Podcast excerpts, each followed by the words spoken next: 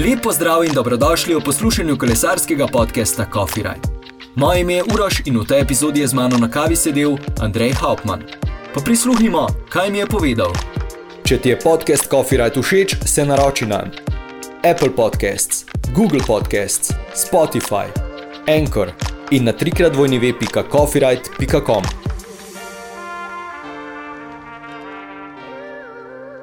Takole, danes z mano gospod Andrej Hauptmann. Lepo zdrav, najprej. Živijo, pozdravljen. Ker mogoče na začetku ena kratka predstavitev, kako bi se predstavili, kdo ste, kaj počnete, recimo vaš pogled na vas. Bo, to je pa en tak uh, vprašanje, kako povem. Jaz sigurno bom rekel, da kolesarstvo je moj način življenja, prej kot, uh, bom rekel, kot kolesarski navdušenc, potem tekmovalec, zdaj uh, kolesarski delavec. Seveda pa tono. Sebe je najtežje predstaviti. Ja, res uh, ni, ni lahko. Ne? Snemamo podcast Coffee Ride, najbrž jih je bilo v karieri kar nekaj. Kakšno kavo radi pijete, kakšno imate radi? Jaz pijem samo kratko kavico, brez, brez mleka, nikdar kapučino, tako da to je to, espresso. Ja. Recimo, da se vrnemo na vaše začetke. Kaj je v bistvu sploh privedlo do tega, da ste se začeli ukvarjati s kolesarjenjem? Moj oče je bil kolesarski navdušenec uh, in je že ko sem bil kopojen, tam 7-8 let star, uh, sva mal skupaj kolesarila, kupil mi je dirkalno kolo. Takrat je bilo to mal teže uh, dobiti iz Italije. Hodila sva na prve dirke v Ljubljani, v Kranju, potem je pa pač to nekako tok prevzel, da sem se na vsak način hotel upisati v klub. Oče je skozi govoril, da sem še premlad, pol sem pa enkrat na, na šoli, tle v Domžalah, osnovni, videl enega fanta, ki je bil že upisan v klub, sem ga videl na kolesu, tako da sem pol preko njega kar sam šel v Ljubljano in se tam upisal. Še sedaj sedete na kolo ali ste morda tako kot gospod Martin Hvastja, ki samo še z gorskim kolesom nekajkrat na leto? Ja, jaz sedem sicer bolj, bolj kampansko, vem, zdaj je kakšnih tri mesece skoraj noč ko so pač te glavne dirke v Elta, svetovno prvenstvo, evropsko, ni bilo časa, drugače pa z veseljem, še najraje pa z ženo na kakšen tak, bom rekel, kolesarjenje, ko se po kolesarjenju tudi nekaj dobrega poje. Vrhunsko. Ob vseh uspehih Tadeja Pogačarja se je v bistvu pojavila anekdota, tista, da ste, da ste rekli za Tadeja, da naj, mu, da naj ga spravijo iz, iz dirke, zaradi tega, ker toliko zaostaja, v bistvu pa je bil toliko pred ostalimi. Je ta anekdota resnična ali je malenkost prirejena? Ja, pa se mi zdi, da je kar zdaj ne bom trdil za prvo, ampak po mojem je bila kar resnična. No? Kašen dan nazaj mi je Miro Miškolin iz kolesarskega društva Rok poslal sliko te njegove prve zmage. Te njegove prve ja. zmage, vrhunsko. Mesto športnega direktorja je prišlo skoraj da nenapovedano. Kako z družino usklajujete tole? Uh, ja, tako je bilo kar nekako uh, na brzino vse, ampak imam to srečo, da je tudi žena zelo predana kolesarstvu ali pa jo kolesarstvo navdušuje tudi sama. Bom rekel, mi dva sva taka ljubiteljska kolesarja, kar sem že prej omenil. Uh, in uh, me zelo, zelo podpira cela družina pri tem, tako da je to to klažino. Kaj recimo vidite kot največji izziv, s katerim se boste spopadli v ekipi, oziroma ste se že spopadli? Ja, sigurno, um, poleg tega, da upravljam delo selektorja, je, bom rekel, za vsakega športnega direktorja nekaj, bom rekel, zelo velikega biti v tako veliki ekipi in uh, sem na to ponosen. Seveda je pa uh, največji izziv to, da že v prejšnjem vprašanju ste rekel, kako na to gleda žena ali pa moja družina. Uh, sam sem dost družinski človek in sem zelo, zelo rad doma. Tako da je to največji izziv, da si tako daleč stran, tako dolg čas, ampak po drugi strani pa delati z Janom Polancem, s Tedajem Pogačarjem v isti ekipi, kjer smo bili prej, je, je, je tudi zelo lepo. Recimo za tiste, ki se spoznavajo s kolesarjenjem, ki ne vedo toliko, kaj vse sploh zajema delo športnega direktorja v ekipi. Kaj je recimo vaše? Dotično delo. Ja, bom rekel, v teh uh, največjih ekipah je to malce drugače uh, kot ko sem bil trener v Sloveniji, mladinski, si v bistvu uh, več ali manj vse, tukaj so pa res uh, um, bom rekel, naloge razporejene, že bom rekel na sami veliki etapni dirki, kot so Giro Tour Vuelta. Je tukaj že, bom rekel, kar nekaj, vsaj 3-4, če ne več, maserijev, isto uh, mehanikov, samo voznikov avtomobila, vsaj 3 športni direktori. In uh, eden skrbi od športnih direktorjev za logistiko, drugi bolj za taktiko, pa potem še vsi skupaj. Mogoče se, se to zdi na, na prvi pogled, rečeš, da je pa taka ekipa, da, pa ni, da, da ni tako ogromno dela, ampak uh, ostane se ob sedmih zjutraj, zvečer ob enajstih, se pa ponavadi uleže v posteljo. Svetovno prvenstvo se ni šlo po naših željah, napovedih. Je k temu potrovalo predvsem slabo vreme ali pač se stvari enostavno niso poklopile? Ok, prišla je poškodba Luke Mezgeca. Ja, seveda, jaz, vsi tisti, ki poznamo kolesarstvo, ki, ki se zavedamo, kakšna loterija so enodnevne dirke svetovnega pokala, kaj šele svetovno prvenstvo, ki je enkrat na leto zmagovalec je samo eden, medalje so na svetovnem prvenstvu tri. Res je, ni se nam vse šlo, je pa treba vedeti, da tako tedaj kot Primož sta se mesec dni borila za, za, za visoke vrstite na Vojeltvi in tisti, ki vozna generalno, je potem težko zelo konkurenčen na, na, na enodnevnih dirkah, ker je tudi sama priprava na enodnevno dirko drugačna kot na tritedensko. Verjamem pa, da bo v naslednjem letu, katerem je težko Evropsko prvenstvo, težka proga na Olimpijadi in pa težka proga na svetovnem prvenstvu, verjamem, da nam pa drugo leto pa uspe. Tukaj se mi zdi, da je predvsem Jan Tratnik bil najbolj razočaran nad samim seboj. Kolikor smo se pogovarjali, se je kar veliko pripravljal, pa se mu potem nekako ni, niso na kronometru stvari poklopile. Ja, Jan je res pravi profesionalec in se je na svetovno prvenstvo a, maksimalno pripravil. To tudi jaz cenim in verjamem, da tak kolesar kot je Jan, ki je že bil med prvo deseterico, ne more biti zadovoljen s tem nastopom. Tako da verjamem in vem, da je Jan velik šampion in da se bo vrnil še močnejši na svetovno prvenstvo. Videli smo, proga je bila res zelo, zelo zahtevna. Bi sedaj po svetovnem prvenstvu, ko smo vse skupaj videli, e, še vedno bili mnenja, da je imel Luka Mezgec res dobro izhodišče Ja, sigurno, dirka je bila zelo, zelo težka, sploh zaradi vremenskih razmer. Sama trasa je bila sicer težka, ampak na koncu so še zmeraj krojili vrh kolesarja njegovega kava. Ne. Luka je bil na Vojelti v vrhunski formi, na dirki po Polski zmagal dve etape. Jaz verjamem, da v določeni uh, taktični različici bi siguren Luka bil konkurenčen najboljšim. Dal sem tudi možnost mojim poslušalcem, da postavijo nekaj vprašanj. In eno izmed teh se kar navezuje sedaj na tole, ko se pogovarjava. Torej, kakšna je recimo razlika med taktiko na tri tedenski dirki, na klasiki in seveda na svetovnem prvenstvu, ki je morda zelo podobno klasika. Se pravi, kakšna je razlika v taktiki? Tako je, tako je. Um, Vem, da bi lahko razpredal ja, zdaj. bom bom probil biti čim krajši. Ja, največja razlika, ne? največja razlika ni samo v taktiki, ni samo v taktiki, je to, ali je sploh kolesar, ali so njegove predispozicije za tri tedensko dirko ali za enodnevnega kolesarja. To je mogoče podobno, kot če bi rekel, da je tekač na, na 1500 metrov, nima istih predispozicij kot maratonski tekač ali pa še krajše proge. Je pa tudi glede taktike. Prvo, največja stvar, ki je zelo pomembna da na tri tedenski dirki ti lahko zaostaneš minuto, lahko padeš, uh, lahko mogoče ne zmagaš nobene etape, pa si skupni zmagovalec tri tedenske dirke. Na svetovnem prvenstvu je pa vsaka najmanjša napaka, pa te ni. Na etapni dirki se zadnjih treh km pripeti padec, v kjer ga si upleten, dobiš isti čas. Na svetovnem prvenstvu, tudi če prideš isti čas, pa da si na 300 metrov padel, pa da jih je še 80, ne, ti čist nič ne pomaga. Tako da enodnevne dirke je v bistvu najbolj pomembno, da, da imaš kolesarja, ki mu je proga res naklonjena, ki je vajen dirkati enodnevnih dirk, poznati ostalo konkurenco, kako pa narediti taktiko, da, boš, da bo dobitna, pa ni tako. Ni tako lahko, mogoče veliko lažje na tri tedenskih dirkah, kjer se vse bolj skristalizira in je že samo to letos je bil svetovni prvak Danes Pedersen in uh, verjetno ga marsikdo sploh ni uvrščal med. V širši krog favoritov. Verjamem, da zaradi vremenskih razmer je prišel bolj do izraza, ampak še zmeraj je to vrhunski kolesar.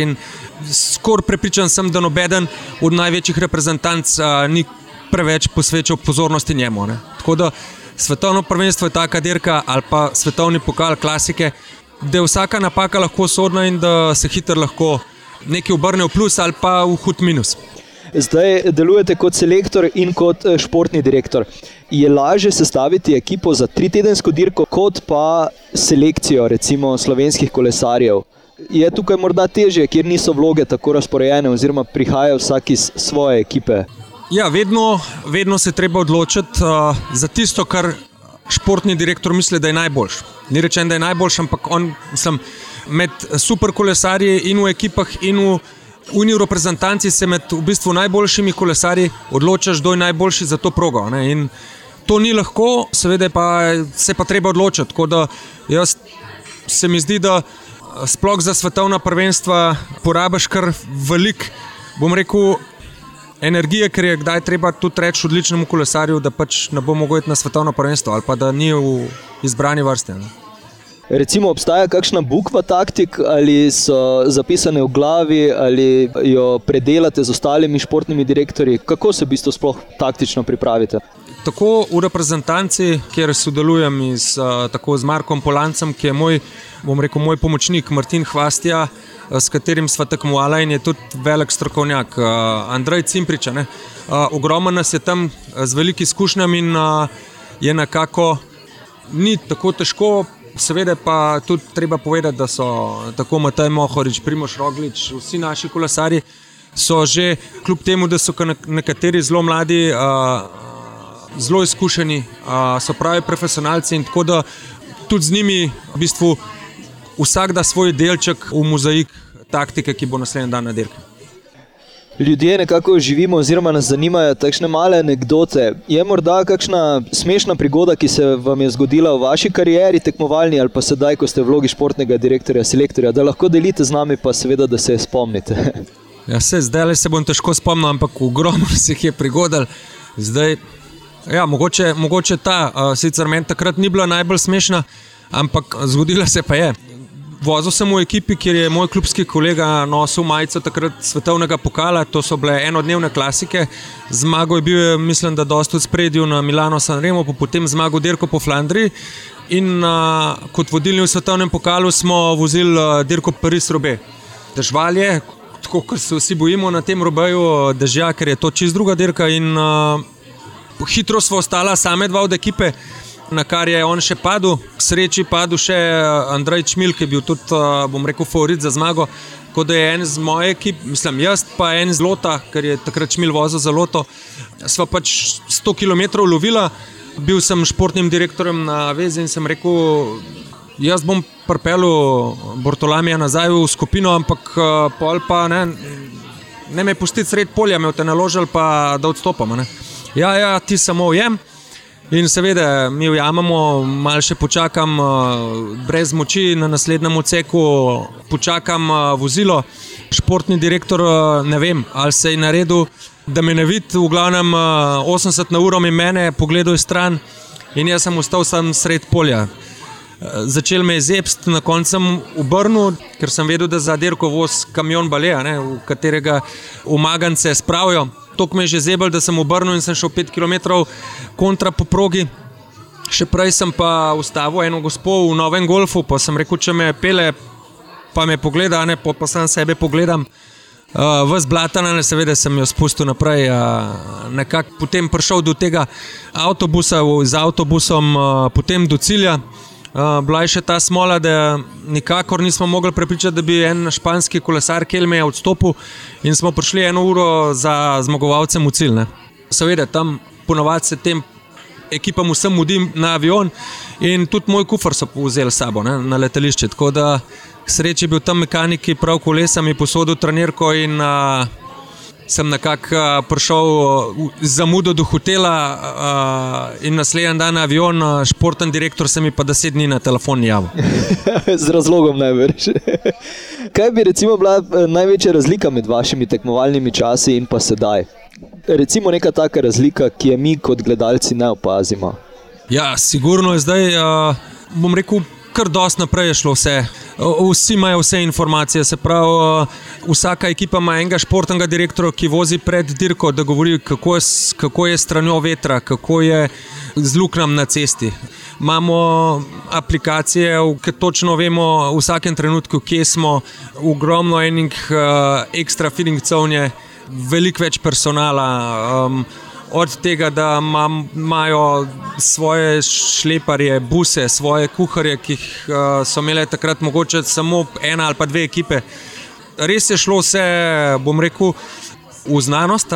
Na koncu je pa tako, da imajo spet vsi vse isto. Ne? Tako da uh, še zmeraj zmaga najboljši. V Sloveniji opažam, da imamo veliko talenta med posamezniki, ki načeloma uh, niso več ali pa morda niso nikoli bili kolesari. Kako se vam zdi, da v tujini sprejemajo naše znanje? Najprej so prišli mehaniki, maseri, potem Gorast prebil let Štangela kot športni direktor. Zato je toliko slovencev, ker smo sposobni, pridni, tako da smo v slovenskem kolesarstvu lahko ponosni, da ne samo kolesarji, ampak da tudi strokovno delo se ceni ne samo v Sloveniji, tudi uh, druge po svetu. Ko smo sedeli z gospodom Martinom Hvastjo, smo govorili o tem, da se upis kljub uspehom ni povečal. Se je morda sedaj, ko imamo zmagovalca v Velte in pa Tadeja kot tretjega na Velti.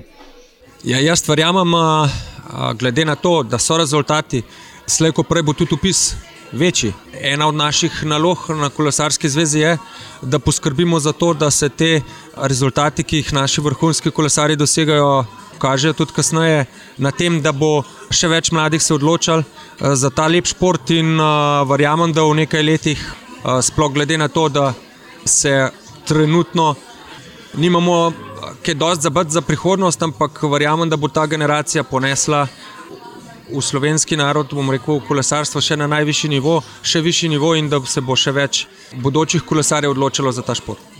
Pa greva morda nazaj na Welto. Z Markom Džalom, ki deluje v ekipi Ineos, sem govoril in tudi vas vprašam enako. Ste se lahko poveselili Rogličeve zmage ali ste morda eh, morali zaradi tega, ker ste v ekipi UAE, eh, malo prikriti svoje čustva? Ni bilo nobenega problema zaradi tega, ker je bil v ekipi UAE tudi Tadej Pogačar na odru za zmagovalce. Vsi smo se veselili, seveda pa, če se jaz kot slovenec veselim zmage Primoža, mi nobeno more to zameriti. Tako kot sem že prej omenil, vprašanje poslušalcev se tudi eno navezuje ravno na Welto. Torej, kaj vam je rojilo v glavi, ko ste v avtu spremljali Tadejev napad v deveti etapi na Welti? Ja, jaz sem bil tisto etapo dal zadaj, jaz sem bil šprinter in uh, smo računali čas, koliko moramo zaustati, da prijemo sploh do cilja. Uh, se hecam, sem, bil sem res uh, 20 minut zadaj ali pa 25, ampak ra, po radio vezi uh, smo pa spremljali uh, vse. Verjetno sem bil veliko manj na trnih kot uh, naši gledalci, ker uh, televizija mi ni delala. Nisem dost videl, sem samo slišal. Mogoče je bilo to še lažje, ker če bi vse skupaj še gledal po televiziji, bi bil verjetno še veliko bolj nervozen. Ampak uh, mogoče uh, kar malo v šoku. Takrat je bilo tudi, se mi zdi, da je bilo uh, tisti naliv, pa se ni, tudi po radio vezah se ni točen vedel. Kar se je slišal, jaz sem šele v bistvu zadnji kilometr. Uh, začutil, da je pa pač on vodilni, ker jih malo prej je Lopez padel, pa tako da je bilo tako na brzino, da sploh ni bilo časa za biti zelo, zelo nervozen. No. Je bil pa pol eh, veselje še toliko večje. Verjamem.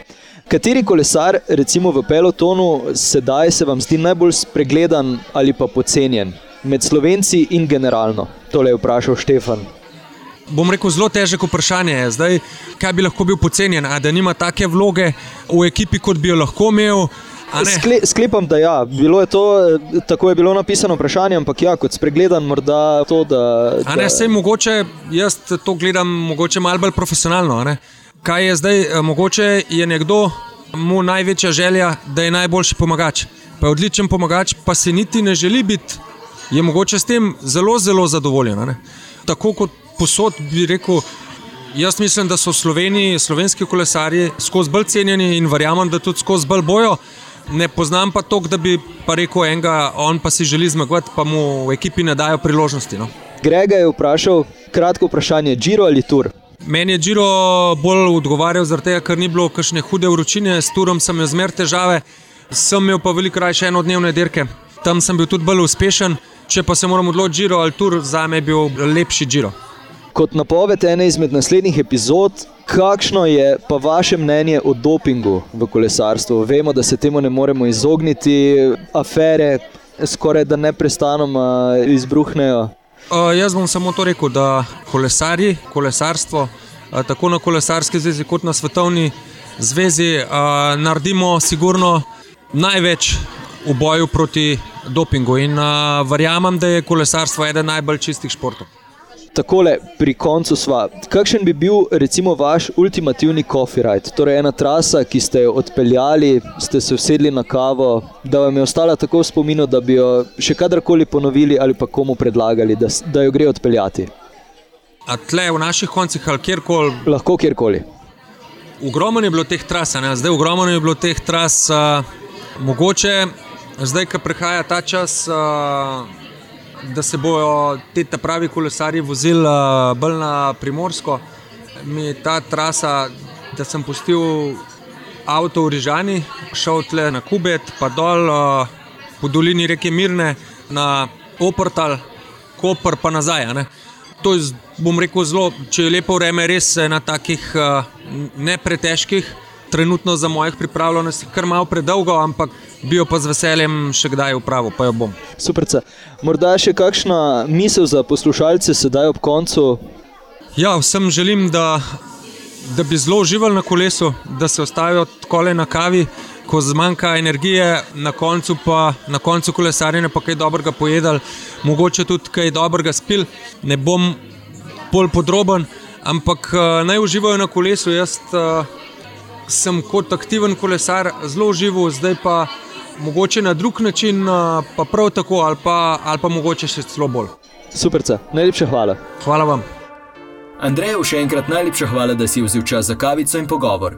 Mi se ponovno slišimo prihodnji petek. Copyright je na voljo na skoraj vseh podcast platformah: Apple Podcasts, Google Podcasts, Spotify, Anchor in na trikrat vojni web.coffeeright.com.